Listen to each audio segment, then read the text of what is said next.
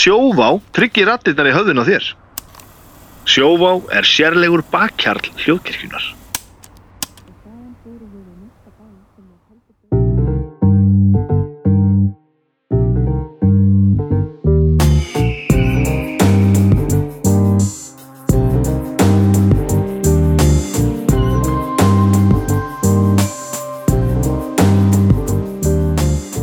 Komið sæl og verið velkomin í bestu plötuna.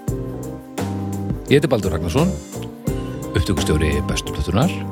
Ég er andlegu leiðtói bestu plötunar, verallegur eigandi bestu plötunar, allráður, innræðir, serra og allt þetta good shit sem losaflótti kallar og temi hafa eld löngum stundum og uh, langflestum mistekist hörmulega. E, þeir eru ekki margir einnarsærið sem hafa klárað æfina bara upp í rúmi einhverjir þó e, hjá mér eru tveir e, þegnar. E, annarsögar e, doktor Arnar Egert. Takk, doktor í tónlistarfræðum. Það er bara þannig. Það er geggjað. Já, það er gaman að því. Þú kant þú ert lang, lang lærðastur í músík á okkur. Sp- Spáði að detta þetta í hug, bara ná í þessa gráðu sko. Já. Og ná henni. Og svo erum við búin að vera að móast allar tíð eitthvað við að vera eitthvað að spóka okkur í tónlist og úst, ég vinn við þetta hluta og eitthvað. Og svo ert þú bara alveg þrútin af mentun, enda vinnur við þetta. Já, við erum mest við þetta. Já, já, ég, ég, ég starfa bara fullu starfi við þetta. Ég held að það verð ekki vel séð ef ég kæmi þinn stað til dæmis niður skóla. Eða þú veist það, það eru þið áherslubreytingar og, og uh, þetta er náttúrulega tölvöld lélega nám þetta væri einhvern veginn ekki að sama. Kannski jafn skemmtilegt. Já, á móti kemur þá held ég að það myndi aðeins breyta stemmarum í skálmöld ef að þú kemur þar inn í, í minn stað.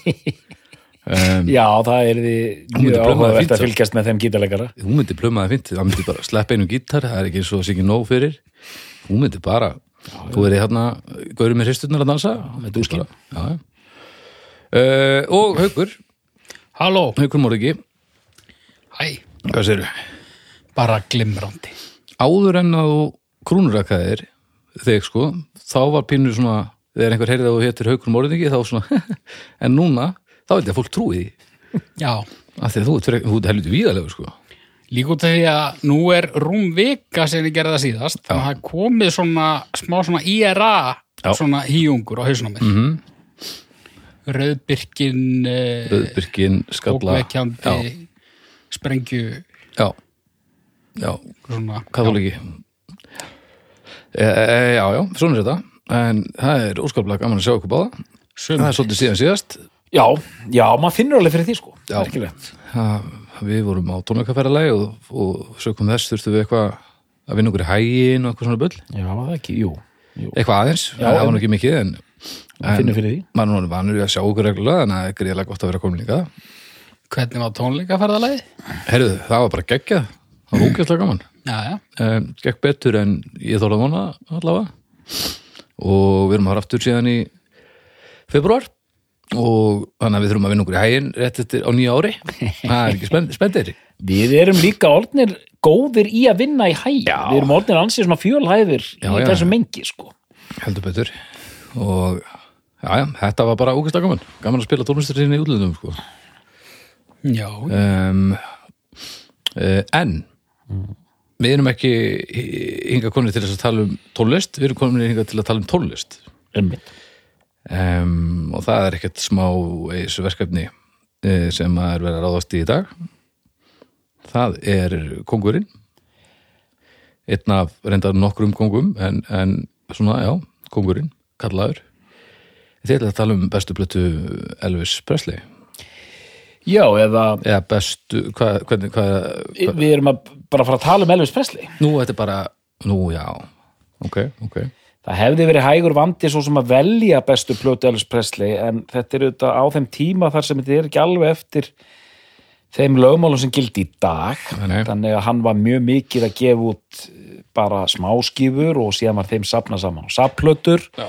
síðan kom mikið út af kvikmyndatónlist á sjönda áratögnum og það kom út tvær plötur hérna þegar hann var kongurinn, svona þessi fyrri tíma King of Rock'n'Roll já, þannig að þú veist, í rauninni fittar langbest að setja hann í þennan e- einn af okkar undirflokkum sem er hérna hvað heitir hann aftur? Öldungadeldi. Öldungadeildin Öldungadeildin. við tókum Billy Holiday mjög skemmtilega í, í hérna, þeim fasa og við ætlum að gefa honum Elvis þá meðferð Ok, á tíma var hann settur á númer 200 sem svona virðingar sess 200.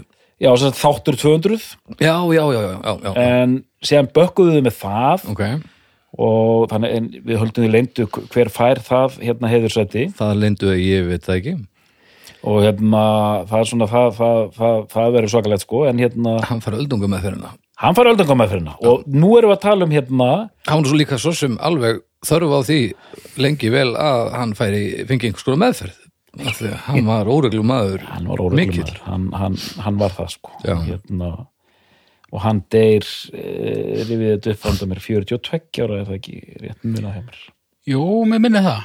77, fættur 35 Já, Haukur, hvað ert þú gamall? Ég er 43. Já, þú ert búin að lifa Elvis. Já, já, Auðmikið Elvis. það er svona. Já, já.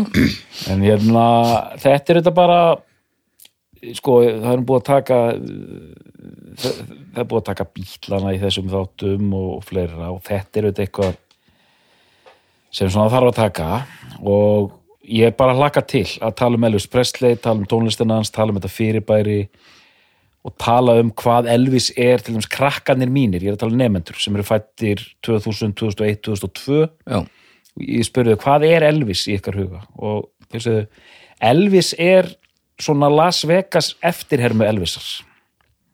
Það er Elvis svona í haustum sko. þess að eftir Hermann er, er aðalatriði núna. já, svona þegar þau hugsa um Elvis þá sjáðu fyrir sér einhvern, El, einhver Elvis eftirhermu í hvítum hérna, svona lélegum hvítum hérna, Vegas sjófötum Já, og, hérna, og það eru kenningar um það að Elvis í dag sé fyrst og fremst svona íkon bara Já. einhverju bartar, búningur já, já. fólk jafnvel þekki, þekki músíkin ekkert sérstaklega Nei, nei. Tala rétt og svona. já, einmitt, einmitt, herm eftir Elvis í tali og söng og svona Mhm. Hva, hvað segir þú okkur?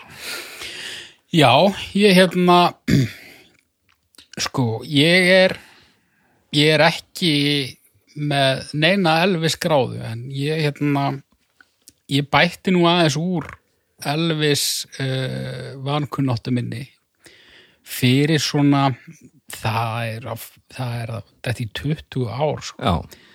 Þá hérna þá var uh, vinkona mín mikil Elvis uh, kona. Og mér fannst þetta eitthvað svo skrítið. Sameili vinkon okkar, alltaf ekki sko. já, Já, og hérna mér fannst eitthvað svo skrítið og, og hérna og það var líka eitthvað svona durtur í mér sko. Já, ég kom með þá glannalegu fullurringu já, uh, og eiginlega bara veðmál.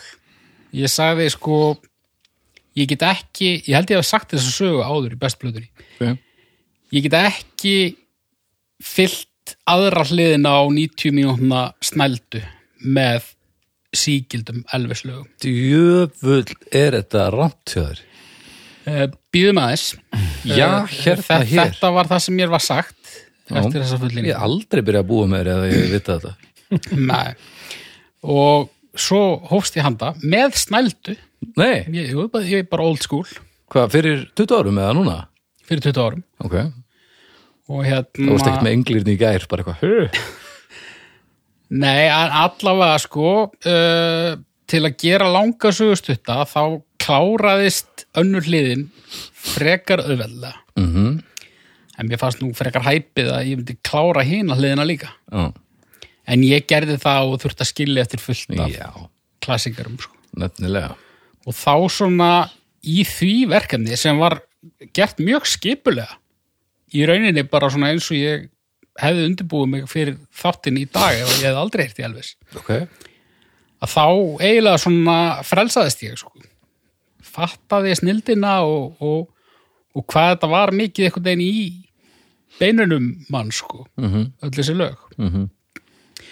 og ég horfði á einhverja myndir og ég fór eiginlega bara all in sko. já, hef vannræktan svona undanfarin ár en, en uh, ég hef nú vonandi einhverju við að bæta hérna en, en doktorinn allar eiga síður að stýra þessu Ok. Doktorinn stýrir. Enda, sko, ef þú ert doktor í tónlistarfræðum, það er nú eitthvað komið inn á Elvis. já, já, einmitt Eh, hann En- er þarna, hann er þarna sannlega Hann er þarna. en ef að tala aðeins meira um það hvað ég var heimskur. Þú varst alveg nöyt. Já, þetta er svakalegt. Ég, hérna, ég, er, ég, er, ég er svo vandræðalegur að ég hérna, reyna að flýta mér í næsta vandræðalegur fyrir þína hönd. Þetta er svo galið, hann, er vonið vondur Já. Þetta, já, já. Já, ég sko en hérna tjóðlega er það samt góð spóla. Og ég átti með bíl á þessum tíma sem var með kassetutæki og þessi fekk bara að rúlla fram og tilbaka bara Hvernig bíl? uh, það var svo skóti hvítur eh, skóti Svona, gamall. já, Nei, auðvitað svona- gamall. svona, já, svona 90s Já, skóti já, hann nú áttir kassutæki sem var smá bíl utanum. já. Já. Næs. já, hérna ég veit ekki alveg hvernig ég ætla að fara í þetta ég ætla bara að byrja hérna og mér langar við verðum að fara aðeins kronológist í þetta samt en hérna og tæpum á hinn og þessu. Við, við tölum um lög og, og uppákomur og eitthvað svona. Já. og þetta er ansi fjölskrúðu æfi hérna, einmitt, fættur 35 og deyr 77 og, og ferill hans er í rauninni þrískiptur, það er rockið frumrockið, Uh -huh. sem hann í rauninni finnur upp. Það er hægt að rífast um það hver fann upp rockið endalust Já, en upp á finnpúsningu upp á djakka þessu almennilega inn og gera þetta þá er hann óskoraður bara uppfinningamæður sko Það er þannig. það bara verður til bara í einu lægi þú veist, þá bara hei, ég var að prófa að hraða taktinum aðeins þú veist, ég var að prófa þetta sving og það bara verður til einhver galdur uh, búin til úr einhverju sem er auðvitað þekkt, það er country það er einhver blues þarna og eitthvað svona -hmm. hann kemur með sig inn í þetta, feimin en með rosalegt svona með svona, svona hljóðulátan sjarma einhvern megin mm. ræður ekki við skankan á sér þegar, þegar Rocky fer af stað Og með svona topp, með svona topp svona, svona, svona Beckham topp. Veist, það er svona, það er, það er ákveðið fólk sem púlar toppin. og með, þú veist, myndarlegur með útgeislun Já, fannst einhverjum mann myndalegur? já, það var eitthvað um það með þetta, þessi vara þykkt og, og allt þetta sko Já. og svona þessi, þessi puppy eyes sko Sagði bara vara þygt og puppy eyes. já, sagði það ekki já. Nú, ég hef bara aldrei heyrt honum líst svona, en þetta er bæði rétt. vara þykkt og puppy eyes, þið langar bara til að hjúfra það þið langar til að ríða honum skilur þú Já. veist, hérna hann er bara, hann úsar sexuality, þessi guður sko Mm. og hann er þetta fyrsti sem býr til við sáum þetta hjá bítlónum þessi, þetta frenzy á tónleikum Já, en hérna það er svo rosalegt frenzy í kringum hann hann í Suðuríkjunum að CIA og allt þetta lið bara þarf að álíkta um málið sko, þetta sé bara stór hættuleg já, já, já. fyrir svona hérna síð, síðprúða bandaríkjum Já, þetta er náttúrulega fokka í liðnum. já og þetta er svo hérna ofsalega karnal sko. Já, þetta er svo líkamlegt Þetta sko. hömlulust sko. Og synd, syndugt. Synd, og syndugt, já, og þeir sína þetta ég var ánægð með þessa mynd þarna Elvis eftir hann að Bass Lúrmann sko. hann fer dálítið í þetta kom bara út í hitti fyrra, fyrra Hmm. Bass Lúrmann sko, bara myndin heitir bara Elvis og svona pínu svona arti teka á þetta og hann fer dálítið inn í þetta sko þetta hömluleysi og skemmtilegt samt tek. Mjög, já, skemmtilegt. Já, því að arti tek er mjög oft ekki skemmtilegt. Nei, þetta er sko Bass Lúrmann, kannast þið við, hann gerði hérna Já, já. Moulin Rouge uh, og Romeo and Juliet. Já, þetta er já, þetta er, það er keisla. Já, arti er kannski ekki alveg rétt orðið bara svona já, hún er bara svona sprúðlandi stuð og, og, og kersla og, og meiri áhersla á ekki svona þurr hérna einhver sögu upptalning, meiri áhersla á að reyna að fanga hver hann var já vá hvað ég var að hugsa um að þetta veri heimildamind, þú náttúrulega bara að tala um Elvis myndina. já, já, já, já, Elvis myndina. auðvitað, auðvitað.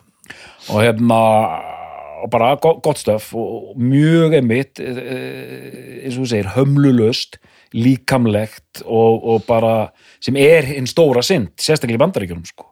nekt og allt þetta sko já, já.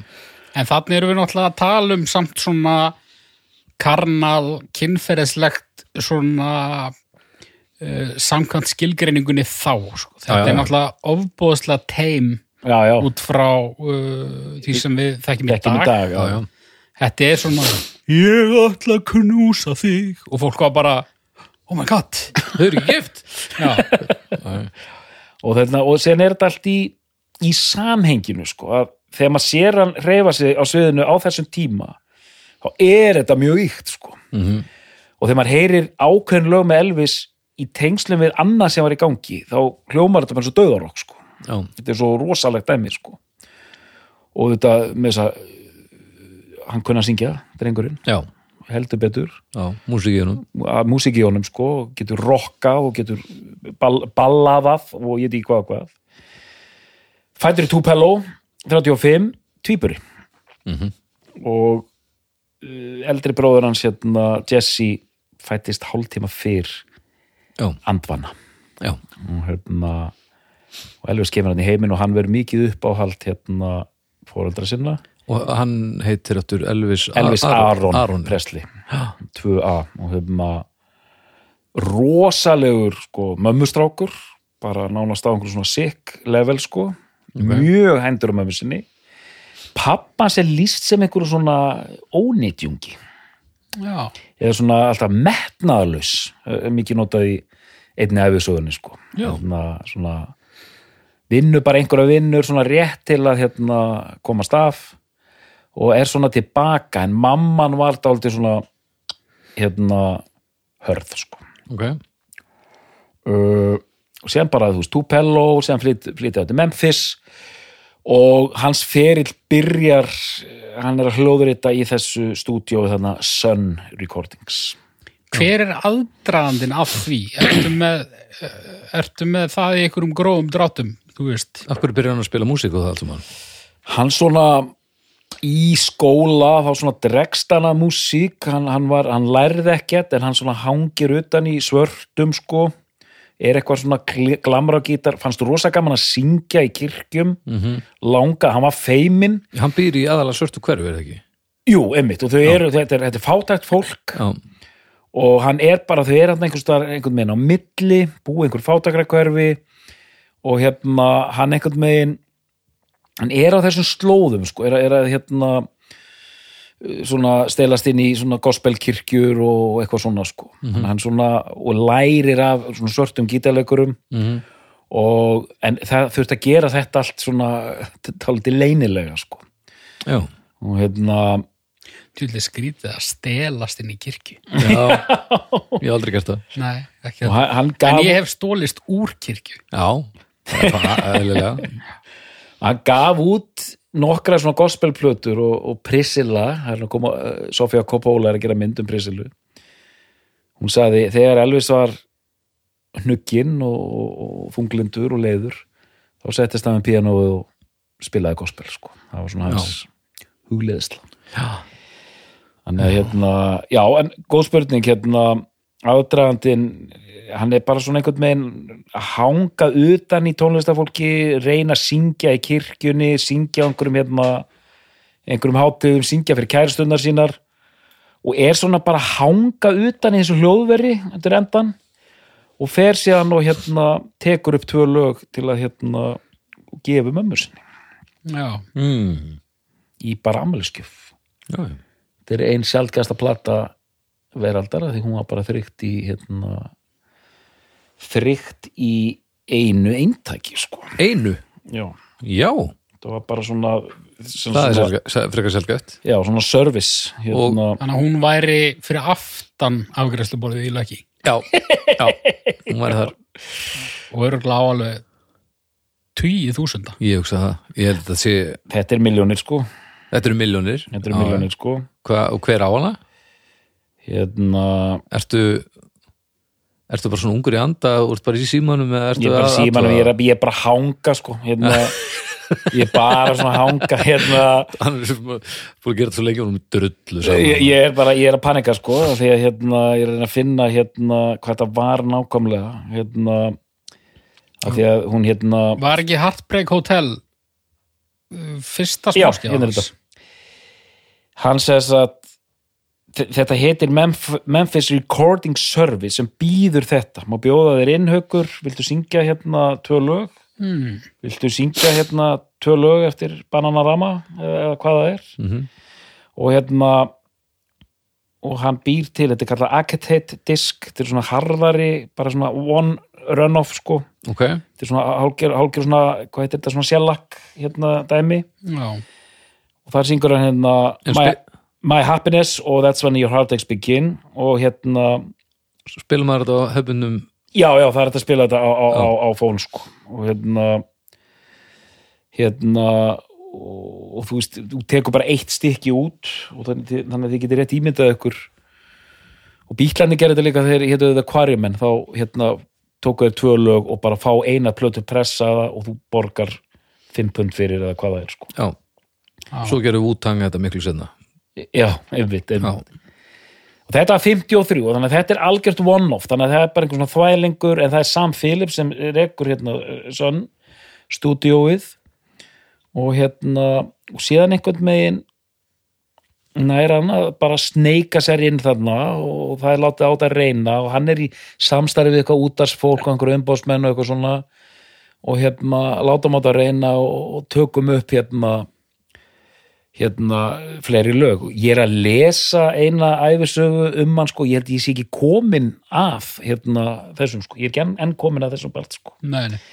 En þeir byrja bara eins og á þessum dögum þú bara tekur upp og þú tjörnar út sko singlum sko og svona 78 snúninga plötum bara Eh, á tveggja vegna fresti sko. Þessi, þessi plata sem umræðir hérna, þessi eina hver á hana, núna?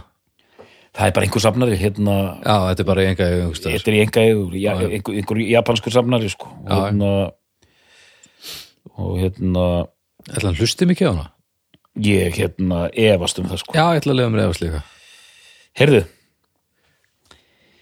Elvis Presley, My Happiness is one of two songs, the other being That's When Your Heartaches Begin. Elvis recorded on July 18, 1953 during his first recording session at the Memphis, blah, blah, blah. In January 2015, Presley's version of My Happiness was sold to musician Jack White at an auction for 300.000 dólarar. já, Já, Þannig að það er Jack gamli White sem hérna það er þannig. liggur á þessari hérna, já, það er alltaf góðum höndum. Bólstrarinn. Á bólstrarinn á, á þessa plötu sko. já, en, en hvaða lag er það sem að slærja mér myndi að það hefur verið Heartbreak Hotel en það er kannski bara miklu senna Já, sko, ég var að, ég þarf eiginlega bara að fletta þessu upp hérna, því ég rugglaði þessu öllu saman, sko, sem lögum hérna, hérna, hérna, sko, þessi, þetta unga fólk. Alltaf í símanum. alltaf í síman Já, alltaf á þessu instant grammi. Alltaf þegar ég var ungur þá var ekkert texta varp á 50 dögum nei, Nei, nei. Sko, 1954, ég ætla bara að hendi ykkur hérna nöfnum, 1954 koma, koma út þrý, þrýr singlar, 1955 koma nokkur í viðbót. Aha, Haukur, þú fær stig hérna, sjötti singullin Heartbreak Hotel. Er það fyrsti hitt?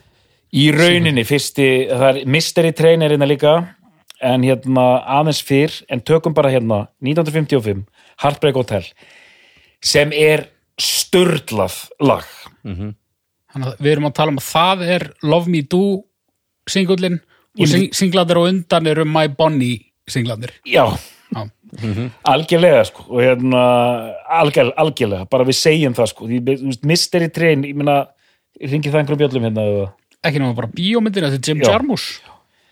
Tökum Heartbreak Hotel sem er verið með mér sko, hérna Heartbreak Hotel, það er, það er svo geggjað atmó í þessu lagi sko. Mesti fílingur sem er til. Já, það er svo vakalegt þetta er bara alveg ótrúlegt sko. Og hérna uh, næsti My Baby Left Me Don't Be Cruel Já, Hound Dog Blue Suede Shoes I got a woman way out down she's good to me. Örgulega þegar þarna var ó, komið ó, í yeah. sögu þá var ég orðin mjög stressaður í veðmálunum mínu. ég hugsa það uh, Money Honey meina, ég, Shake Rattle and Roll Me Tender. Love Me Tender kemur út þetta er 56 rosalegt, sko. Hound Dog, við, við ætlum bara að strauja yfir það. Það er ekkert eðlilegt lag sko. Emitt, það býðum aðeins það er eitthvað dónalegt. Já. Jú, þú veist, þetta er rosalegt sko. Já, þetta er svo mikil yfir völdum maður er bara sitt fyrir hann og hann byrja bara maður leggst hann áttur og bara ok, ok, og, þetta er, Elvis ok, og þetta er bara svona byrjarlægið geggjað. Djöfullara gott. Og bara, en sko þeir eru hvernig ég er svona þetta. Hann, hann er með svo rosalega balans. Hann bara svona ekki of æstur, Nei. bara svona just about. Mm. Blue Sweat Shoes. Já. Já, þú veist, þetta er allt snild sko. Þetta er allt þetta, já, snild. þetta er allt snill það er uh, það er, það er, Ég var að segja við Arnar á settinu, það er eitt lag frá þessum tíma sem er sleðilegt og það er Teddy Bear, er það ekki svona teddybér, það, það er pre-60, er það ekki? Jú, jú. Djöfull er að leðilegt lag. Hvernig er það? ég man ekki. Það er bara, ég bara I just wanna be your teddy bear. Oh. My teddy langar að verða bánsinn þinn. Búm. og þar, þar eru The Jordaners með honum. Bakrata tríuð já. Syngja svona bum, bum, ba, um, bum, bum, ba, bum, ba, um, ba, um, bidi, bidi, bidi, bum, bum, bum, bum. Þérna, Baldur, þegar ég sagði Já, já, ég, trúður því að ég vissi hvað hann var að Nei. Ekkert með Jordaners Já, já, já. Já, já, þeir já. Ég þekki þeirra, þeirra verk í þaula. Hérna er hérna Rip It Up. Ég mannaði til þess að fylla það snældu af, af þeim. Og hérna uh, höldum áfram. 57, 55, 56, 57 Jailhouse Rock. Þurfum við samt, áður en við höldum áfram þurfum við ekki aðeins að tala um bara bilunina Já. sem að var búin að eiga sér stað þarna. Við þurfum ekki að telja upp fleiri lög það er nokkuð ljóst hvað er í gangi. Förum í bilunina. Út af því að það bara mistu allir vitið. Uh, Unglingarnir mistu vitið. Já, og fullandafólki misti vitið yfir unglingunum. Já, Mhm, algjörlega. Og náttúrulega þetta Urban Legend sem ég veit ekki hvort er rétt að, að þú veist að hann var í sjónvarpinu og það mátti bara sína hann fyrir ofan mitti út af því að hann var svo hann var svo dónalegu fyrir neðan mitti. Já, já, alltaf flegi verð þá gætu einhverjir haldið að hann hafi bara verið á sprellanum en nei, Já. það voru bara mjadma nekkirnir, en þetta var nú ekki eðli nikkir nei nei. Já, og það verður bara smalað með þessum nikkum sko. já, það verður bara eitthvað svona í, þetta verður bara eitthvað, svona faraldur. Já, já, algjörlega. Og breyður svona úr sér yfir Ameríku og hérna heiminn í raunni og þetta gerist mjög hratt, þetta er að gerast 55, 56, 57, 58 þetta er bara cirka tveggja ára bil þar sem þetta rosalega dæmi er í gangi sko. ég myndi segja 56, 57 uh, 56 kom út tvær LP plötur, sem sagt breiðskjöfur bara tvær plötur komust út sem sagt áður en hann er kvattur í herin já, og ég rendi þessum plötum þær eru bara stórkostlegar algjörlega stórkostlegar, öll lögin bara algjörlega frábær og flutningurinn brilliant sko, hann bara svona og þegar maður hlusta á þessi alveg fyrstu lög Elvis, hérna eins og þú sagðir hérna, My Bonnie hérna tímabilið, já, þá er hann svona pínu hikandi, er svona aðeins að finna röddina, en þarna eh, 56, 57, þá er þetta bara svona algjört imperial face, sko. Hann bara svona, það er ekkert sem hann getur gert, eh, hann gerir ekki neitt ránt, sko. Hann er líka búin að eiga sig aðeins aðeins búin að vera að spila. Aðeins búin að vera að spila og já, einmitt, og bara og þetta er ótrúlegt dæmi, sko, þessar tvær plötur geggjaðar, næsta hljóðusplata þriða platan er jólaplata sem er stórkostleg. Og hérna, og bara rock en, engin Dylan alltaf en, Nei, engin, engin Dylan. Ég, Nei, hérna, nei, nei. Þetta, það er auðvitað ekki það er auðvitað ekki, ekki að líka neinu við þá plötu bestu plötu Bob Dylan. Nei, já, já, nei, nei. Já, og já, hérna, já. en bara rock og roll plata, la la la la la 58 þá bankar herin Mhm. á dyrnar sko. já, þá er þetta búið sko, þetta dæmi sko. Mm. að því hann fer í herin er þar sko alveg í tvö ár og þegar hann kemur tilbaka þá hefst hann á handa aftur en þá er búið að tóna dæmið dálítið niður hvernig var þessi herþjónusta hjá honum var hann, hann var dálítið að hanga þarna í Þýskalandi þetta er kóri Dedlan, eða hvað hann var bara st stationaður í Evrópu sko, í Þýskalandi. Já, bara, hann, hann var ekkert en að hver var barningurinn sem er í gangi hérna þá? Þetta er já, hvaða stóra stríð er í gangi? Er þetta kóru? Ég þekki það bara ekki. Ég held að þetta hafi bara verið basic hermennska uh, bara on staff sko. Já, já, já. Skrúpa ykkur klósett í Wuppertal já, já, e, nákvæmlega og, og, hérna gljáfa í einhverja skriðdrega þarna sko. en á þessum árum líka 56-57 þá byrjar hann að leika í kvikmyndum. Loving You var fyrsta myndin. Síðan leikur hann til dæmis í Jailhouse Rock svarkvít mynd, hann leikur í mynd annari svarkvítir sem heitir King Creole. Og ég ætla bara rétt að slæta þess inn að hérna ég hef hort á þessar myndir. Mm og drengurinn getur leikið sko. Já, já.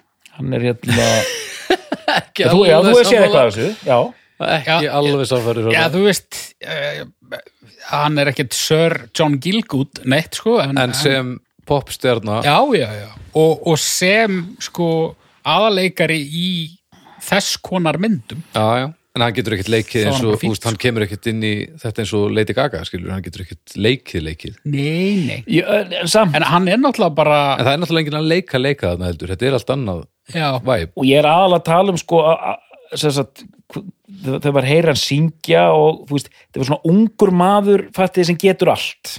Já, já, já, já. og, og svona í þessum og þá er ég bara að tala um fyrstu tvær þrjár myndirnar þegar hann er ennþá hreitt og ennþá í stöði og, og Colonel Parker er ekki mættur á sviðið enn skiluru þá er bara, það er eitthvað svona purity í þessu sem bara svona, hann getur þetta eins og uh, bara, hann er með ein, einhverja náttúruhæfileika þarna Byrjar hann að leika áður en hann fer í herin.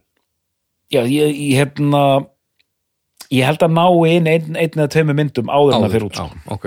og hérna en, ég er að segja, fyrstu tvær þrjá myndirnar síðan allar þess að hann gerði cirka, rúmlega 20 myndir Mm þá er uh, undir restina eða þú veist, svona miðbygg sjönda áratugum þá er þetta hræðilegt sko. Já, það já, þetta- þrjár, þrjár myndir á ári og þetta voru hræðilega myndir sko. þetta er færi banda dæmi sko en, algjörð færibandadæmi og það er svolítið sloknað á honum sko. en þetta er samt bara svona þetta er bara svona stemningsmyndir Ok. Þú veist, það er orðið mjög langt síðan ég horfði á þetta, ég hef nú ekki séð allar en ég hugsa, ef þú segir að það séu 20, ég hugsa ég gæti mögulega að hafa séð svona 10 þetta var aldrei þannig að, að maður hugsaði mikið svakalegur en lélögu leikari Nei, það er ekki þannig sko nei. En þetta er bara svona græskulaust gaman myndir Eh, þú veist, Elvis í Arabíu Elvis hérna, kappakstus bílstjóri já, Elvis, þú veist, hvað er hann, er hann að gera í þessum myndum? Er þetta alltaf Elvis bara? þetta er Þetta gott er ekki svona eins og, þú veist, þetta er ekki eins og uh, Arnold, ég, að veist, hann er bara ógeðsla massar drepalla. hann, hann er að leika einhverja karaktera sem heiti einhverjum nöfnum Já, þú veist, er það ekki? Jú, jú, doppul það. troppul þá leikur hann tvíbura ok. og hann, hann- jú, jú, hann leikur einhverja karaktera og, og sko undir restina bara myndir sem kom út svona cirka 70 þá er hann svona aðeins þá fer hann aftur að rísa upp sko er meiri alvöru myndir sko Ok. Já. Svona, síðasta myndin sem var ekki total drasl sko, af því að hann er svona aðeins farin að flexa sig Ok, en þessar myndir Harum Skarum og hérna bara eh, Speedway og allar þessar myndir hann bara leikur upp gaur sem er hérna kapastus bílstjóri og verður síðan ástofangin að stúlku og þetta er bara, eins og Haukur segir, bara ein- einhver stemning tímum á það andri þeirri. já, sko, alveg sko Hvað ætli gerist næst? og það sem er sko hérna þetta er svakalegt sko. Hérna, en eins og King Creole sem gerist í New Orleans hún er mjög skemmtileg. Ok. og hérna nefna það að það er auðvitað soundtrack við allar þessar myndir. Já, já. og þessi hérna frægur að endemum hérna umbóðsmaður hans hérna Colonel Parker. Uh -huh. hann var svo mikið upp á penningin sko. Og þú veist, þarna er alveg farið í að fjölda framlega, þú eru þrjár myndir á ári en hann vildi, hann vildi ekki eigða peningum í lagahöfunda þannig að allar myndirnar eru með lögum eftir svona þriðju deildar lagahöfunda sko, Já, já, sem voru já. ódýrari og ég tók mig einu sinni til og hlustaði á öll þessi soundtrack Mhm. og maður heyrið það bara að þetta er lélegt en Elvis er það góður söngvari að hann einhvern veginn nær alltaf að uh, samfara mann sko. Já, King Creole er alveg top 5 Elvis-lag hjá mér sko. Já, störlaðlag sko. Geggjað. Og það bara, eftir bara einhvern bara einhvern, einhverja hundamannskinu Já. einhver stöður ok, næs og hérna og þú veist, bara einhver fáránlega lög sko sem að er bara Jesus Christ og hérna en hann er einhvern veginn nær að gefa þessu hérna eitthvað umf sko. Já, já. oftast hérna það eru lög hérna í þessum myndum sem eru svo hræðilega að það er bara er ekki eðlilegt að hlusta á þetta sko. En alveg þangað til að, að þessi ferill tekur enda þá er þetta alveg svona high profile hátt budget myndir. Hann, Mm, Jú, já, sko, og sé, þetta var stutt. Fyrstu tvær, þrjár voru alvöru myndir eh, og alvöru leikstjórar sko. er hann komin í B-myndina bara? Já, þú veist, við Jailhouse, erum þar bara. Jailhouse Rock mm. er, er bara mynd King Creole myndin er það er alvöru leikstjórar bak við hana. Þetta er svona svarkvita myndir. Síðan fer þetta yfir í B-mynda framleiðslu svona upp úr 60 sko. já, ok. Það er samt sko B-myndir á þessum tíma eru aðeins annað en B-myndir Já, eins og við þekkjum það sko. Já, já. líka þegar þú komin í Technicolor þá bara lukkar allt svo djöfulli vel sko. Skiptir engum máli hvað þú gerir, þetta er lit. Já, ég get bara sko hérna ég get bara sko ég get bara sagt einhver þetta hérna. Þú veit, er leiðilegt að myndefni í lit hafi komið á undan TikTok og öllu þessu. Þú ætlar að fyndið að við hefum bara tekið bara fyrstu tíu árin á samskiptamilum allt svartkvitt, svo bara allt í nú bara wow, já. Það segja ykkur bara hérna Það er bara svona eins og æfi mín fyrstu tíu ára æfi minnar. Þá horfði ég bara á sástu svartvitt Áriður Já, Ok, Alfreð hann neitaði að kaupa lita sjóa Pappi, getur við ekki fengið lita sjóa? Nei, það er ekkert að þessu sjóa Og hvað var það lengi? til 90 getur lita sjóa 1990 þegar ég var 10 ára. Vá, ok, geggjaf og djúvel held ég að það verið gaman ef ef það verið náð þú veist, Teletubbies í svartkvítu þá er þetta alltaf bara hrollvekja sko. Mér erst geggjað að fara í heimsókn til fólks. Horfa horfa snjóp í lit Æj, æj, æj, æj, elsku drengurinn. Ég mögulega samt sennilega ekki, en mögulega nægi nokkrum af fyrstu Simpsons þáttunum á svartkvíta ambassador sjónvarpið sem pappi neitaði að henda. Æj, æj, æj. En svo blessunarlega dóða drottni sínum hann 1990 oh, veist, þá var hann alveg til, bara jú, auðvitað litasjónvarp. Já, bara, já. þú veist, ekki að henda því sem er í lagi. Nei, og svona, og þetta þessi gömlu sjónvarpur með svona, hvað? 150% brunaður ekki, það var bara alveg örugt að húsið myndi brenna ofan þær. Við áttum svona sjónvarp sem var með svona, svona hækka og lækka takka á svona sleði. Og það var alltaf uh, við börnin gerðum víst öll þau veist, svo hafa slögt á sjónvarpinu hækki bótt, kveikja og það sprakk náttúrulega allt bara í maður bara, en það var í lit. Það var, já, það var í lit. Já. það var ekki alfreð á mínu heimili Já, ég ætla að segja sko ég var að lesa þetta, Kid Creole myndir kom út 58, Blue Hawaii myndin. Eru séð hana, Haukur? já, Hún er skemmtileg, já, hún er það bara skemmtileg. virkar. Og En- fljótlega upp úr því 61, 62, fer þetta að verða lélegar myndir sko. Já, en þetta er ekki, okay. þú veist, fyrstu alveg sjö myndirnar eru bara fínar skilur það er nú þokkalegt raun Já, já, ágættis og en, einmitt, bara þetta er stemningsmyndir þetta er, þetta er engin meistaraverk en ég, maður finnur bara þegar þetta er orðið þreytt sko. og þarna þetta í 60-sinu er hann fastur í þessu af því að pælingin var að gera hann að kvikmyndastjörn já, af því þarna voru peningarnir sko. og hann langaði það var ekki Jú, jú, hann var alveg til í það sko. já, já.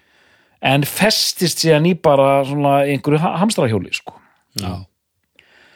Og þú veist, það er einhverju singlar sem kom út en, en, en, en sjöundi áratugurinn í sko, tónlist, fyrir tónlistafannin Elvis er ekkert eh, sérstaklega gjöfulur sko. Hann er framan af, getur við sagt orðin heldur gamall og, og já svona, hann, á, hann á nokkrar helviti sannfærandi bombur þarna uh, er það ekki En þetta er samt, er, er þetta samt gamaldags er það ekki? Gamaldags efni sem hann er að gefa frá sér í, með það sem er að gerast á þessum tíma. S- eh, Satt, hann er ekki Úst, hann hann- fylgir ekki tímanum. Nei, ég meina, gerir það bara alls ekki. Þú veist að, að það ef hann er að nikka til meðmunum þarna þá, þá er engin yfirlið, sko. Nei, sko, þegar við erum komin í sko late 60s þú veist, þegar það er komið smá svona hippismi í gospelið hans mm. Er það ekki late 60s, þú veist, þetta Suspicious Jú, jú. Minds Jú. dæmi Já, já, já, já. Það er alveg pínu þá Jú, hann, jú, við þurfum að, hérna, við þurfum að, hann- tala, við þurfum að tala um endurreistina sko. Þá er hann alltaf bara að fullorðnast svolítið með, með reist já, algjörlega, ég meina tökum hérna 60s eins og hann eh, var að segja hann haukur, neglur, ég meina uh, Can't Help Falling in Love kemur út 61 uh, það er samt svona snemma. 61 Ja, ég meina, því þetta, er auðvitað klassísk lag Því líkt lag sem við erum með þar segðu, hvernig er þetta bara gott Það er bara indislegt mm -hmm. Það er svo það stemmarinn Já. í það er svo yfirvegað Já, og já. Já.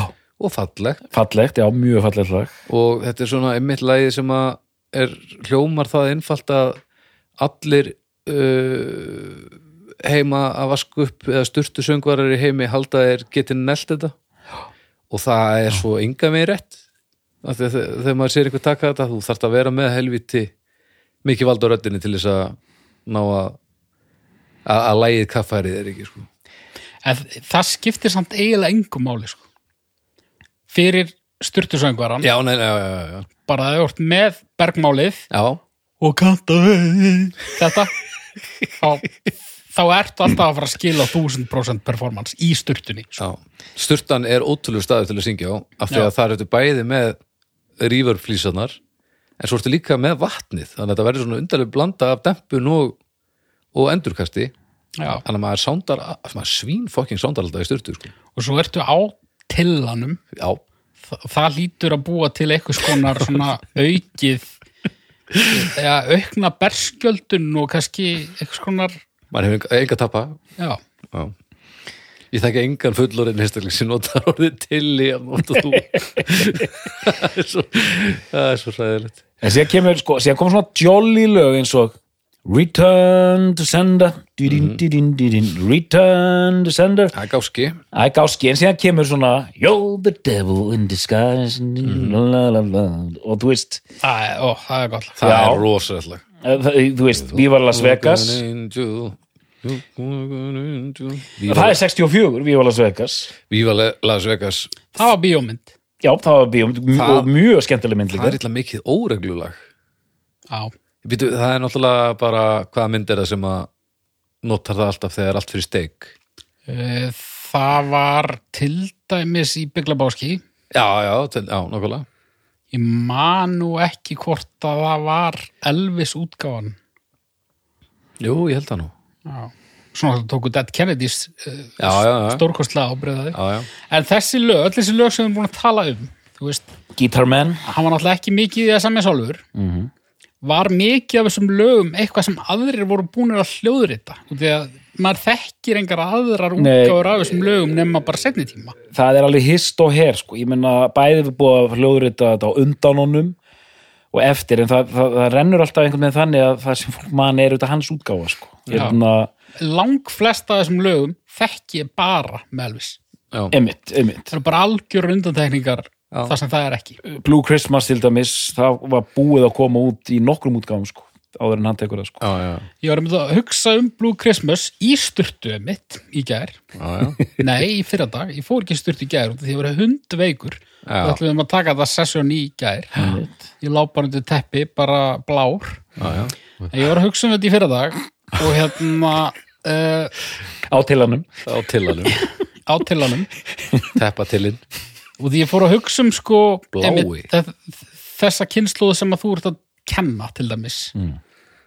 þú veist og því að Elvis fyrir mína kynnslóð er náttúrulega uh, miklu svona þekktari stærð. Já, og ég fór að pæli þú veist, uh, þú veist fyrir okkur eru frægustu lögin þú veist Hound Dog, Heartbreak Hotel já, já. uh, Fever.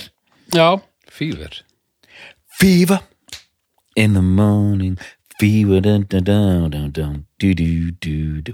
Fever. Oh. in, dun, dun, dun. Dí, dí, dí, mjög atmosfærist, eiginlega bara bassi. Ah, lands, og með að við farsið á dóttunum hára kontrabassi eða hann kann alls ekki bassa. En ég fór að hugsa um sko, veist, eru það bara, bara sömu lögin sem að uh, ung fólk í dag fekkir eða er Blue Christmas mögulega að færast ofar á lista yfir Elvis-lög sem lifa hvað mest. Út af því að það er um hver einustu jól það er, þú veist þú jólalöginni, þau eru svo seg Já, þau, ef þau hitta þá þá hitta þau aftur og aftur sko.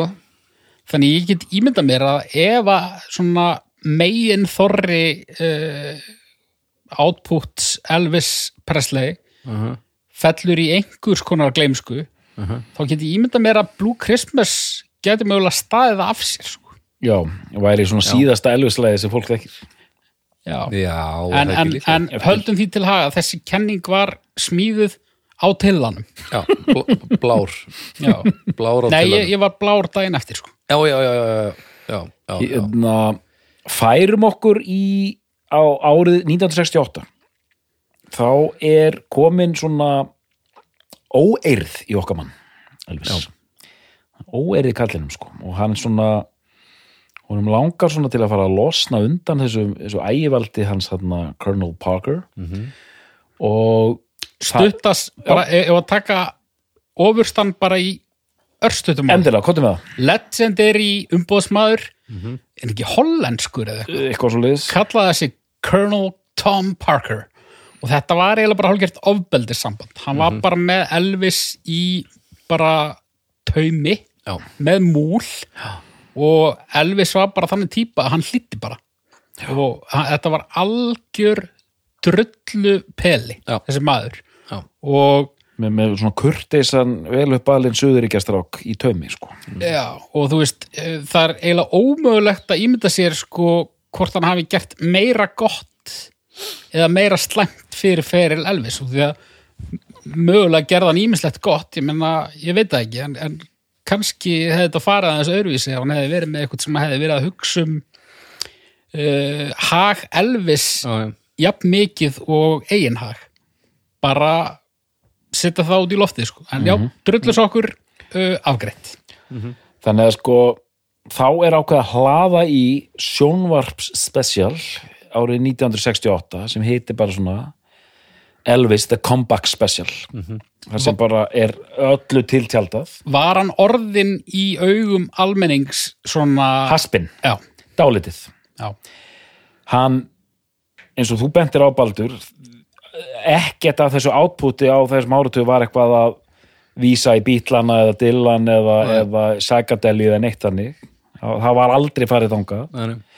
uh, þarna kemur hann og menn fóku hvernig hefur að gera þetta? Og hann kemur í þessum leður galla þarna, svarta frá toppið til dáar. Komið bartana, situr í nefalega ring með einhverjum gömlum félögum. Er bara svolítið nettur sko, slagur og hann tekur einhver svona gömul rocklög talar meðal annars svona I've been, I've been following the latest like the Beatles, I really like the Beatles. Og er eitthvað svona ég fylgist með yfirlýsingarna svona fyrir eitthvað desperat sko. Já. síðan tekur hann einhver lög þarna og endar á lag sem heitir If I Can Dream. Þar sem hann sem var svona pólitískt lag svona Martin Luther King hérna innblástur.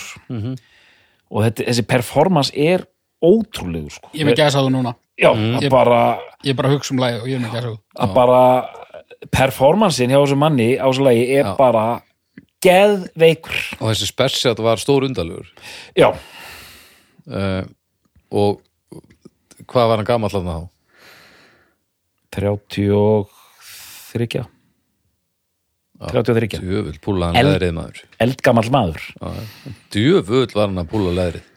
Að púlaðilega er glæsilega sko, og, þú veist- Rosalega og þetta var einhvern veginn kött þetta var alveg í endan á spesialinu þá var hann komin í hvít jakkafött og syngur þetta lag komin inn á hnén sko Mhm.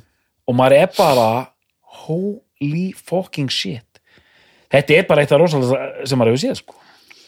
þannig að þá er bara Elvis is back árið eftir kemur bara eitt hans frægasta lag Suspicious Minds sem er, þá er hann komin í nýju músíkina það er svona funk soul feelingur í því lagi sko. og samt Elvis sko samt, Já, samt, já, samt alveg uh, þetta er engin, alveg, þetta er engin uppeyja sko þetta er engin hann, þetta er ekki þetta er ekki desperat eða neitt þetta er bara, hann tekur þetta bara sko. Djöfull er það gott lag alveg algjörlega styrla sko. ótrúlega flott byggingin í því og Já, bara þessi, þessi down þessi svona breakdown koma það sem er róa niður í gamla stílin Mhm. og hann einhvern veginn bara að negla söngin og svo alltaf rifið aftur upp í, í stuði þetta er bara dásamlegt sko. og hérna samt hann ekkert sjálfur Hann er kreditaður uh, meðhöfundur af Love Me Tender allavega. ok Ég man ekki hvort það var eina. Já, Ég held að það sé allavega eini svona hit-singullin sem hann fær kredit fyrir. Nú er ég að tala eftir minni. Um, en, og, og hvenar dettur hann í In the Ghetto? Það er ekki í þessum special er það. mm, ég man að ég er með þetta hérna in the ghetto Ég átti þetta á DFD í einhverju svona geggjum svona kassa.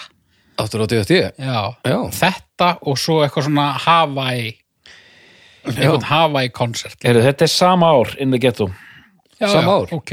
Svo 69 in the ghetto og Suspicious Minds Já, vá Það er rosalegt lag. Það er rosalegt Það er rosalega já hérna in the ghetto, Já. ótrúlegt sko og hérna munið uh, lag sem heitir Burning Love Já, já, já, já. það kemur út 70 Lord Almighty, bla, bla, bla, bla, bla, bla, bla. Akkur datt ég í söngkonuna í M-People Ég veit það ekki Þú neldir hana og þarna bara 69-70 þá byrjaði að möndla með þetta Las Vegas Residency Mm. og hann verður bara sjó eftir sjó eftir sjó þar sem hann syngur mikið af svona tökulögum Mhm. Bridge over Troubled Water og eitthvað svona í bland við eitthvað svona 70s soul funk dótari, gefur út plötur og það er svolítið gaman að þessu tímabili það, það er fullt af góðu stöffi þarna sko. Já, hann, mér finnst hann sitja alltaf vel í þessari músík sko. Já, já. þú veist 70s Elvis músíkin er bara góð sko. Bara stundum pínu cheesy sko, á köplum Já, já, nóg af því, sko líka. Nó, já, en, en svona þetta 70sið mér finnst 50sið langt best 70sið næst best og síðan þetta 60s dæmi sérstaklega þessi soundtrack svona lagast sko Mm. uh, En þannig er hann náttúrulega, uh, þannig er allt á leið í ræsið í engalífinu. Mhm. Hann er orðin, uh, sko, bara bullandi fíkill og, og, og, og þetta er svona það sem er talað um feið til Elvis. já, Það eru þarna síðustu fimm árin eða meira, hve- hvenær hann er nú ekki alveg orðin feið til Elvis þarna í comebackinu. nei alls ekki. Þetta er svona kannski síðustu fimm, þrjú, fjögur fimm árin sko. Já, þar sem þetta er byrjað að fara bara í algjörlega í skrúuna sko. Já, hann er með þessa mafíu í kringu sig. Memphis Boys, The Memphis Mafia. Uh, og svona sem, sem þýtti hvað? Veist hvað þetta voru bara svona gaurar sem, þetta var svona posei sko, eins og í rappinu sko. þetta var bara svona menn sem hengu í kringum hann og með honum. Já, og bara held honum hérna hérna svona af þreyðum sko og kettlingar og hótelherbergi og kókain og a- a- öll þessi vitleysa sko. Hvað var hann hann var hrifin af uh, mörgu þegar Mhm. kemur að neyslu. Hvað, hvað var hann að gera? Vitum við það? Lækna dóp mikið, já, er það ekki? jú, jú. pillur og drastl og svo var hann náttúrulega uh, mikill ískápa maður já, uh, var hrifin af ímsu sem að þar mátti finna. Uh, samlokur. samlokur og, og þú veist, maður veit ekkert það er svo, það er svo margar svona sögur sem maður veit ekkert hvort þeir eru réttar. Nei, eins og þetta með þessar rilling samlokur sem að hann var að láta að gera fyrir sig sko. ha, en svona, einmitt, bara eitthvað, þú veist 5 kíló af beikoni, 5 kíló af netusmjöri á brauði eitthvað, dæmi og svona já, og, og rosa svona kokteil bara inn í honum, sko. Já, og síðan deyr hann hann 77 á klósettinu. Bara hrinur framfyrir sig. Já, deyr. Papp, mamman stóð þegar hún var 42 pappans er á svæðinu þarna og hérna þegar hann deyr. Já, þá er Elvis 39 Sjöðu þið? Já, hann, deyr, hann er 42 þegar hann deyr sko. 32, Nei, já, 42 Já, 42. Já, ég er Deyr- 39, Rólur Elvis. Deyr og ég meina mjög fljótlega eftir, eftir það, þegar hann deyr þetta, heimsfre, þetta er í heimsfréttunum. Já, og síðan bara einhvern veginn legacyð við förum í það sko, hefur alveg verið intakt síðan sko. Já, og leifis hafar allir duglegir, það er mjög mikil svona reissue menning í kringum Elvis sko. Sko Undir- boxset og dótar í endalust sko. En þarna undir að síðasta, þetta vekastæmi það náttúrulega nær hérna á einhverju kompaki Mhm. þetta er að hver er staðan á ferlinum þegar hann deyr? Þá er hann búin að vera í Vegas heldur lengi Já, jú, jú. og þú veist maður, nú er ég bara giska í eðurnar sko, en, en þú veist þegar hann er orðin bara hérna, múlbundin hérna, í einhverjum spilavítum hérna, í, mm. í Vegas og þarf ekki að fara neitt þá ímyndaði ég mér að, að neyslan og rugglið sem að var þó töluverð fyrir að, að það hafi svona fæst svolítið aukana en ég veit ekki, þetta er svona er þetta ekki svona fyrsta dæmið um svona risa artista sem endar sem svona Vegas? Eða þú veist jú, þetta er fyrsta módelið af þessu sko. Það er þannig. Eins og Sinatra og, og þeir sko, þeir, þeir voru kannski meira bara allan tíman í Vegas ég, ég bara þekki það ekki Nei, það var svona að þetta var pakki sem var bara seldur sko, þú veist þessi pæling með að hafa þetta í hóteli og Elvis bara býr á hótelinu á meðan einhvern megin Já. og röldi bara niður til að syngja svona undir borðum sjó einhvern megin Já, og bara og þetta bara einhvern veginn virkar, gengur upp og fólk kaupir sér inn á þetta. Þannig að hérna, það er ótrúlega nær eh, þú veist bara geðveitt frægur hérna í 50-sinu kemur svona þannig sér slömp í 60-sinu þegar hann er að vera kvikmyndastjarna Mm. en nær aftur flugi í rauninni í 70-sinu sko en þá er þetta bara komið út algjörlega komið út af teinunum sko Já. og hérna og en, en þú veist, en hann, hann var svolítið svona kerður kerður bara í þrótt í rauninni sko Já.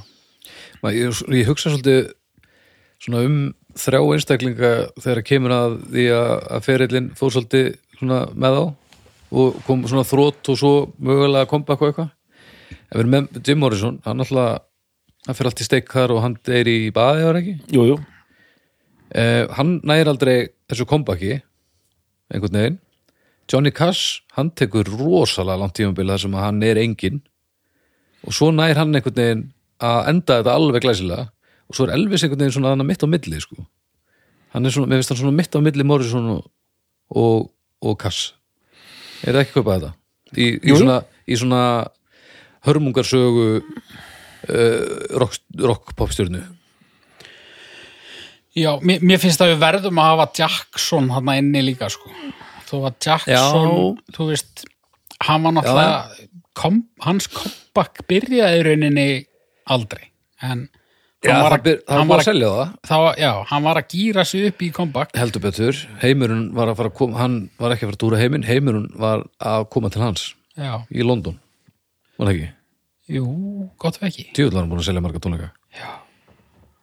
En, hérna, en jú, þú veist þetta megar alveg sann sko. en, en þú talaður um áðan að, að svona legacyið er intakt. Mm -hmm. og orðað er að þannig.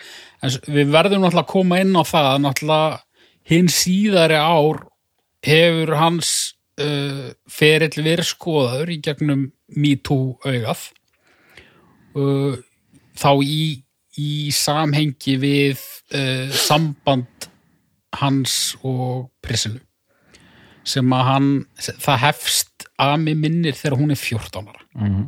Elvis er tölvört eldri, hann er samt 20 og eitthvað 24 mm. Já. og uh, það er ekkit rosalega langt síðan að Priscilla sagt, greinir frá því að þau hafi aldrei gert neitt fyrir en að hún var búin að ná aldri Mm. maður veit náttúrulega ekkert hvort það er rétt sko. en minnst við bara einhvern veginn verða að, að minnast á það út af því að legacyð er ekki alveg uh, er ekki alveg flekklaust af Nei. þessu leiti sko. Nei. uh, aðri tímar og allt það og ég var ekki á staðnum ég veit ekki hvað hvað gekk á en uh, 24 og 14 var samt. Ja. uh, uh, var ég í ruglinu að vera beina umræðina í umræðinu í þessa átt eða? Alls ekki. Nei, nei, alls ekki. Það er rauninni ekkert um þetta að segja samt Nei, út af því að uh, hann er látin þegar að fólk fer að skoða þetta aftur. Ég veit ekki hversu mikill skandal þetta var at the time. Nei, ég mynda mér engin eða lítill. Já, það er líklegt. Uh, og ég get alveg ímynda mér ímsar ástæði fyrir því að Priscilla uh, fegri þetta í dag. En svo kannski er hún bara að segja sattur rétt frá. Já, já, það breytir því ekki að þetta er stórfurðulegt og ekki í lagi. Og hefur verið furðulegt líka at the time, er það ekki? Þó þetta hafi verið minna furðulegt. Já, furðulegt en kannski ekki uh, jafn óalgeng Nei, nei, Nei, nei, Jerry Lee Lewis með 13, hann 13 ára gamla Já, hérna, brúði. Já, En sko, en uh, orðspor hans svona í setni til líka. Svo hefur maður hirti oft flekt að að sko hann hafi verið að taka rosalega mikið af svartri menningu og búið til risastóran feril úr henni. Mm já, uh, og að fólkið sem að var búið að, grænda og búið til þessa menningu svo áratugum skiptir hafi nú ekki verið kannski hoppandi glatt með það. En að finna einhverjum tönnum sögum að því Doktor, veist þú með innsýnin í það? Já, sannarlega sko í rauninni svartir þeir voru kannski í rauninni oft með sveittari og heitari og betri tökur á öllum þessu lögum. Já, en þeir bara átti ekki breyk að komast inn í mainstreami akkurat. Og þá var bara skipt á race charts og Já. síðan chart. Já, og þannig að allar þessar dúvop grúpur, þessar sönggrúpur þú veist það voru alltaf hvítar útgáfur sem fóru inn á listana sko. Akkurat. Og en þetta, einmitt, það, er, það má alveg í, í, einmitt í dag það, það komið þessar umræðan um, um svona það sem kallað er menningarnám. Akkurat, hérna hvernig er talað um hann í því?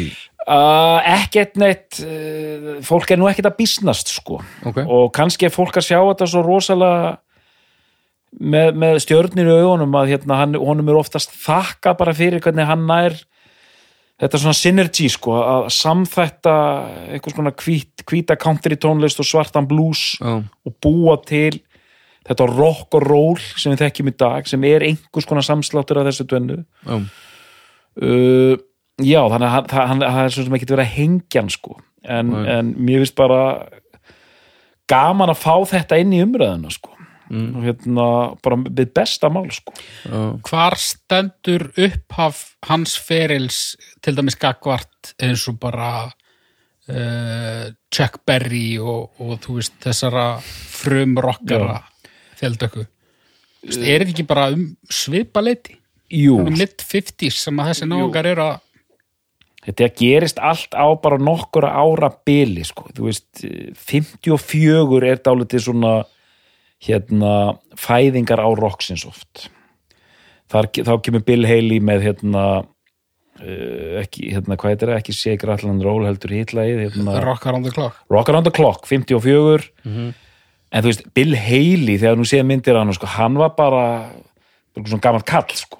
hérna Elvis er svona meira út á kantinum sko, hann fer af staðna 54, Chuck Berry Little Richard, þeir koma aðeins setna, sko, þá er ég að tala um kannski 56, sko, árið síðan sko. Já. Og svo Chuck Billy þarna 57. já en að en, svo, en svo sem uh, uh, sko en það er svo sem ekkert uh, hefur gerst áður að hvítir hafi verið að spila tónlist svartra Bötti mm. Holly er búin að gera þetta Já, já. áður þarna Mm, en hann gerði það hann gerði rosalega mikið úr því að að fara ekkert í felur með það. Nei, nei, Þú veist, hann fer bara í Apple og, og tekur bara sensin á að vera jetinn og, og það allt saman. Mm -hmm, Ge- var, en, en Elvis þú veist, Sko, acknowledge hann þetta alveg? nú er ég bara að tala út frá eigin tilfinningu sko, en, en mín tilfinning er svo að fe, ferli Elvis hafi verið eiginlega allan tíman stýrt af öðrum en honum sjálfum. já, akkurat. Uh, er það ekki nokkuð rétt? Þú veist, Jú, ég meina hann er það hæfileika ríkur sem tónlistamæður í söng og performance og svona að einhvern veginn einhvern veginn hann lítur kannski aldrei almennilega út fyrir að vera eitthvað puppet sko Og hérna, nei.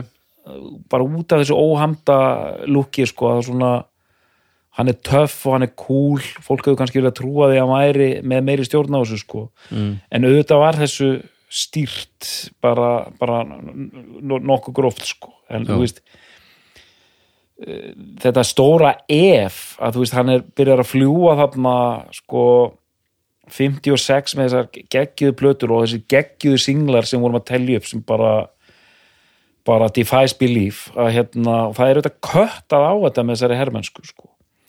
Já. kenningin er svo að þetta hafi verið bara mjög viljandi gert að bara, nú þurfum við að kæla, kæla kallinn og kæla ungdóminn kæla ungdóminn sko, að því að platan sem kemur út þegar hann kemur út, þá er þetta bara það er, búið, að þetta er bara meira slikk sko. við getum ekki verið með svona mikið af gröðum unglingum Nei, út um allt þetta er bara, þú veist, það er bara svona við hýtast þurfum í að senda hann til Þýskaland Já. og geima hann og geiman sko.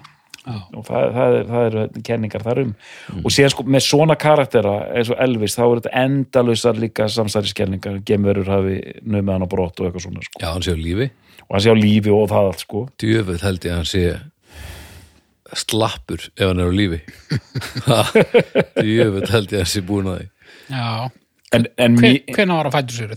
35? 35 Já, hann, hann, hann, þú veist, hann gæti verið lifandi. já, já, en meðmyndar er ekkert að fara lengst til liðar Nei, nei, það þyrfti ekki að, að, að summa inn fyrir ofan mitt í, sko. nei, sannlega ekki sannlega ekki hægt en mér finnst hérna þegar ég var að undirbúa mig fyrir þáttir, mér finnst best og skemmtilegast í raunin að hlusta á á frábær geisladiskur sem kom út 99, Sunrise þar sem er þessar Sun upptökur eru teknar saman Hmm. þetta sem maður var að gera alveg fyrst þarna 53 til 56 og þetta er rosalegt sko. Hljómurinn úr þessu stúdíói er alveg einstakur hljómurinn í lögunum sko. Og þið þekki þetta betur en ég hann er svona hvernig er þessi hljómur? Svona kastaníu brút já, Já, þetta er náttúrulega bara, svona ekko einhvern veginn í þessu sko þetta er náttúrulega bara einn mikrofót sem lafir úr loftinu mm. og ég kann nú sem ekki að lýsa þessum hljómi, sko, en hann er svolítið svona, það er svolítið fjarlægur. lifandi Já, mm. Og það er einn, einn svona penni sem lýsti þessu ákveðlega, hann sagði bara það sem gerðist þarna í sönn Mm. sagði bara hérna var svo ótrúlegt, svo nýstárlegt og svo nýtt, hann sagði bara það eru ekki hægt að skilja þetta fyrirbæri hérna hljóma kannski svona tilgerðalegt svona nema í tengslum við sjálft sig. Það er svona það er ekki hægt að, þetta er bara algjörlega einangra dæmi sko, auðvitað er þetta búið til úr rocki, nei hérna úr alls konar hlutum Mm. en þetta var alveg nýtt Já, já. og þetta er bara ótrúlegt að heyra þetta og heyra þetta bara gerast það sem rockið er að bara verða til í fyrsta skipti þetta er bara fáránlegt sko. var hann einfeldningur? Það er, dálítið það er svona tilfinning margra. Já, dálítið svona einfeldningur eigum að nota svona grandvara laus Já. grandvaralaus. Já, það svona, já, það er svona mildar útgáfið að vera einfældningur já. Hann var bara Já, svona, ekki, já, ég skildi svona kannski auðvelt að nýt, nýta sér hann og greinilega markalaus sko. Mm, getur ekki sagt nei hérna, hann hlýtti bara þessum Connell bara, mm. hann þorði aldrei að fara gegn honum sko. Nú var ekkert hvernig endaði það? Hann dó bara ég bara þekki það ekki sko. Nei. ég man ekki hvernig þetta slitnaði á milli þeirra en Nei, en hann var einhvern veginn hangandi yfir einhvern veginn meir og minna sko. það var aldrei svo, svo sem eitthvað ro, rosa uppgjör sko. Finnst bara, mér finnst eitthvað svo áhugaverð pæling þegar að svona, þú veist, þegar maður fær þessa tilfinningu mm. sem að ég gríp ekki út úr lausu loftið, þú veist, þessu við verið kasta fram áður, hann hafi verið svona pínu einfaldur. Já, en það er líka snillig á það. En bara á einhverjum skala sem sjaldan er tekin inn í jöfnuna þegar það er verið að ræða gáfnafar skiljiði uh, skilji sem svona kannski rennir stóðum undir þá kenningu sem margir hafa að, að gáfnafarsmælingar séu ónákvæm Séu drastl já, Já. Já, það er svolítið verið að það er svolítið tunnel vision verið að- reyna að komast að því sem að er já, hefur ekki áhrifnum á sumt í lífinu.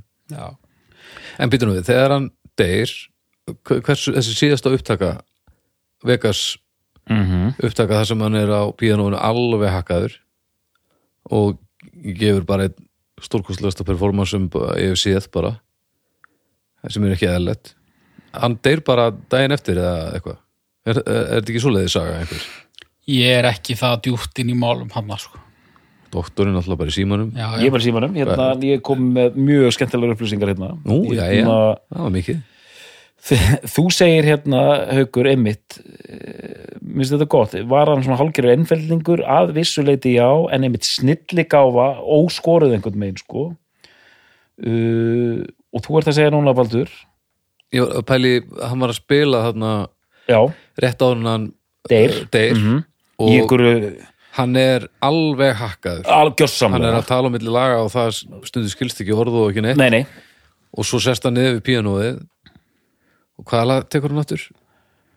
Uh, var ekki my, my way eða? Nei, ég maður ekki. Já, eitthvað Allavega, það er ekki eðlilegur performance. Ok, já, já, Það er alveg rosa, það er alveg yfirgengilega ofbóðslega, ofbóðslega gott. Já, já, hann var með þetta. Alveg, ég meina og þetta var svo þetta var svo rótgróið já, í skrokkina á honum og Já, hausinn. já, já. Þetta, það, var, það er lýrætt að sjá þetta sko.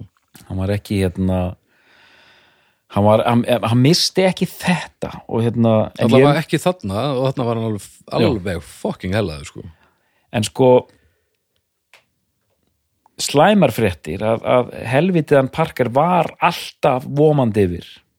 Hann, losn, hann losna aldrei úr klónum sko. Aldrei, nei, lifir hann Elvis? Já, Já, ok, Elvis smölurinn helvitismelurinn og helvitismelurinn Elvis spilaði aldrei utan bandaríkjana Aldrei. Já og að því að Parker tók ekki áhættuna út af einhverju svona vegabrefa bulli í honum sko. Einmitt.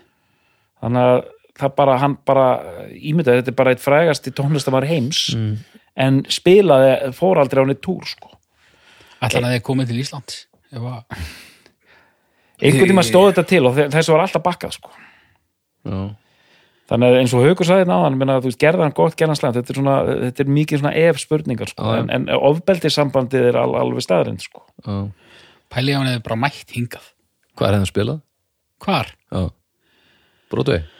Ég veit það ekki. Nei, stærra Hann þurft stærra Sjallin var ekki til.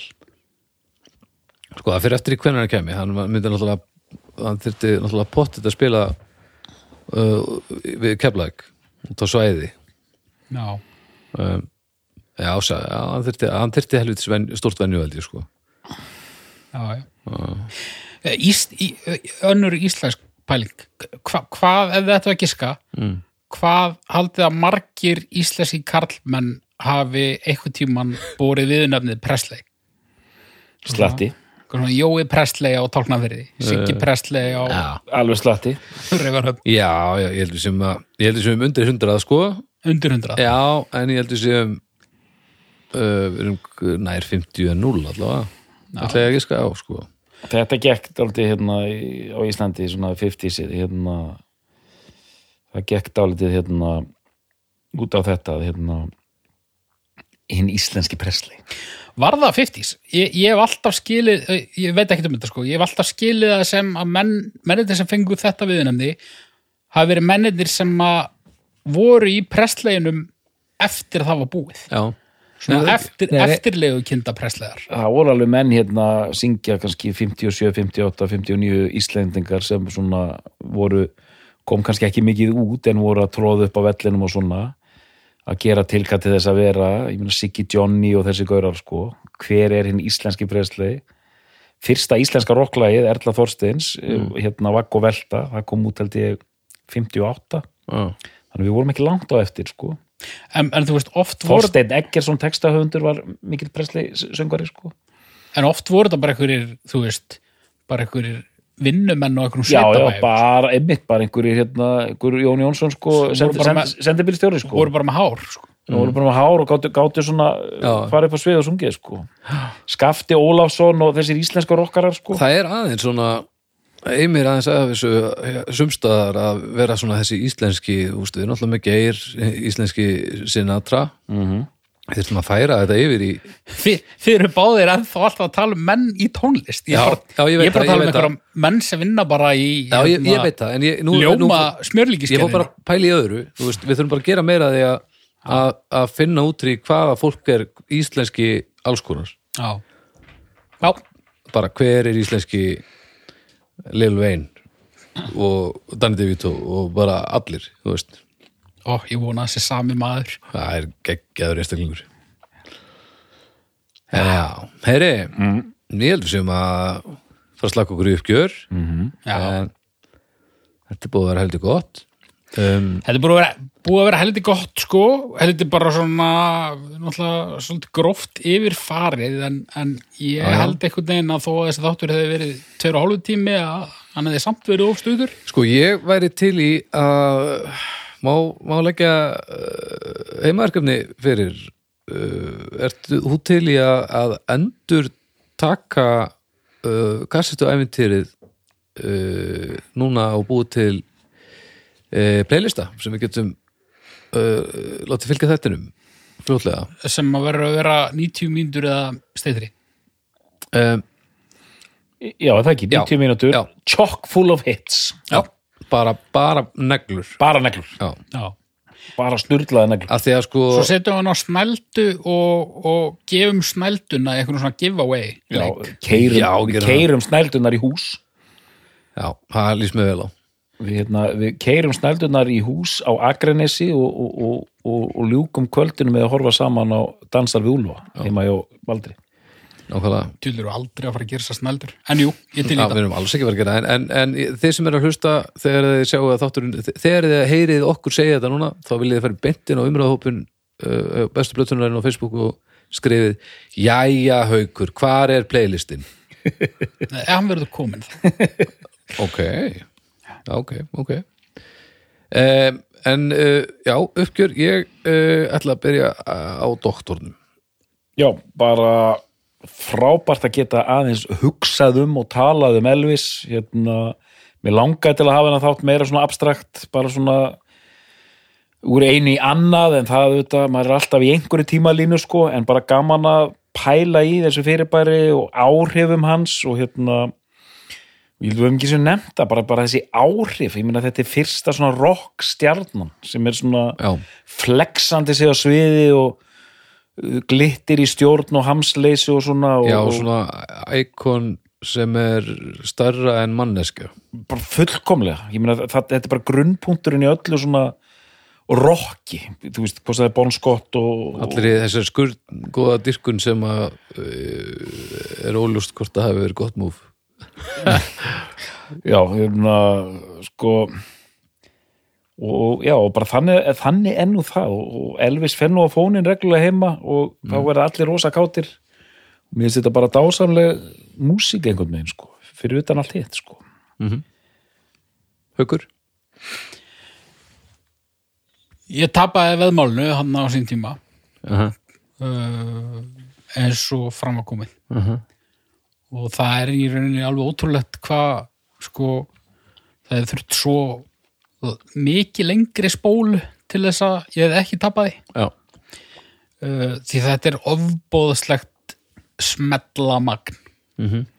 og uh, ég átta mikið á því ég átta mig ekki á því hversu mörg elvislög meðaljónin í dag þekkir. En ég ímynda mér að það sé í flestum tilfellum mun fleiri en, en, en fólk grunar ég er að koma þessu út um mér eitthvað það tala um fólk fólk uh, meðaljónin sem er fættur eftir 2000 Nei, bara, bara meðaljónin sem að kannski er að hlusta á hana þátt en hefur aldrei svona kynnt sér Elvis. Já, Þetta er allavega mín reynsla var þannig að ég hafði aldrei nefnt að tekka á þessu en ég þekkti bara ég þekkti bara ferilinn ofbóðslega Já. vel án þess að gera mig grein fyrir því. ég held að svona fólk sem er fætt ég, ég, mér líður eins og fólk viti að þekki alveg slatta ef þú ert bara fættur fyrir 90 sko. Já. e, þá er þetta bara enn það mikið inn á heimilum hjá fólki sko e, kannski, ég veit það ekki En- það En fyrir ykkur þannig úti, ef að þið eru ykkur þannig úti sem að þekki Elvis bara sem ykkur að skrýpa mynd, sko, Já, þá hérna, þetta er ofbúslega það er ofbúslega mikið í þetta spunnið. alveg Ég vil bara ofboðslega. hvetja fólk til þess að afskrifa þetta ekki sem uh, eitthvað punchline, sko. og það kemur geggjaður playlisti er komin geggjaður playlisti inn á umræðu bestu plötunar Já. sem þið skulið gefa sens og renna í og þetta er alveg eins og sér þetta er geggjadót sko. Djúlega skrítið að bara með straight face að vera að mæla með Elvis Presley.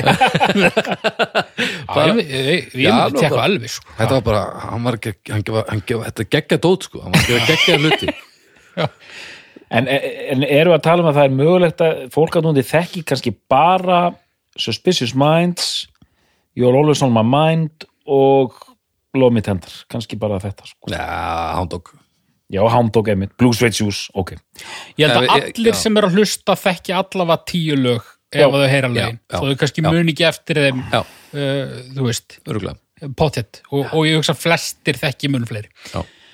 En já, loka orð, bara Tekkið á Elvis Presley tekki á Presley. Hann var hérna, hann var ekki svo, það var eitthvað í þessu sko hann var eitthvað í þessu, sko. Uh, mér langar að koma inn á það að við hérna, erum byrjaðar að fá uh, uh, sendar inn hljóðupptökur með spurningum fyrir næsta spurt og svara þátt bestu plötunar eins og við gerðum hérna fyrir einhverjum mánuðum. Mjög gott. Það var heldig gaman. Uh, þannig að nú ætla ég að blási alla lúra og uh, rífið upp upptökutækin og sendi okkur línu. Því að við þurfum að gera svo þátt uh, fljóðlega og það gerum við ekki nema að fáum spurningar frá okkur. Þannig að og það er alveg frjást hver efnistökin eru, hvort það er að að klappa okkur á bakið, segja okkur í þetta mannarskýt uh, leiðrétta það sem hefðum betur mátt varið eða, eða vera samþykkur. Það, þetta, en það, var, það er mest gaman að fá hljóð upptökuna þannig að endilega sendið það á, á baldur at hljótkirkjan.is ég tek við þessu öllu saman þar og, og fyrir gegnum þetta, Má ég segja eitt í viðbútt. bara opnaði þig Mér lákar síðan út af því að nú voru að taka helviti mikinn risa, sko. mm. þá hugsa kannski sumir já, kannski bara eitthvað svona það verður eitthvað obskjúr næst það var eitthvað hérna eitthvað belgist sjúgeis en nei. Næsta vika. Rosaleg. Hún verður rosaleg. Það er rétt. Þannig að, fleira vildi ég ekki segja. Þannig að haukur erstu hress? Já, doktor, ertu í stuði? Ójá Baldur? Líður þér ekki bara ágætlega? Á allt takk. Við þakkum fyrir dag og við heyrumst í Nei, heyrumst að. Þakka fyrir í dag og heyrjumst að vikulið Þetta er fokk, bless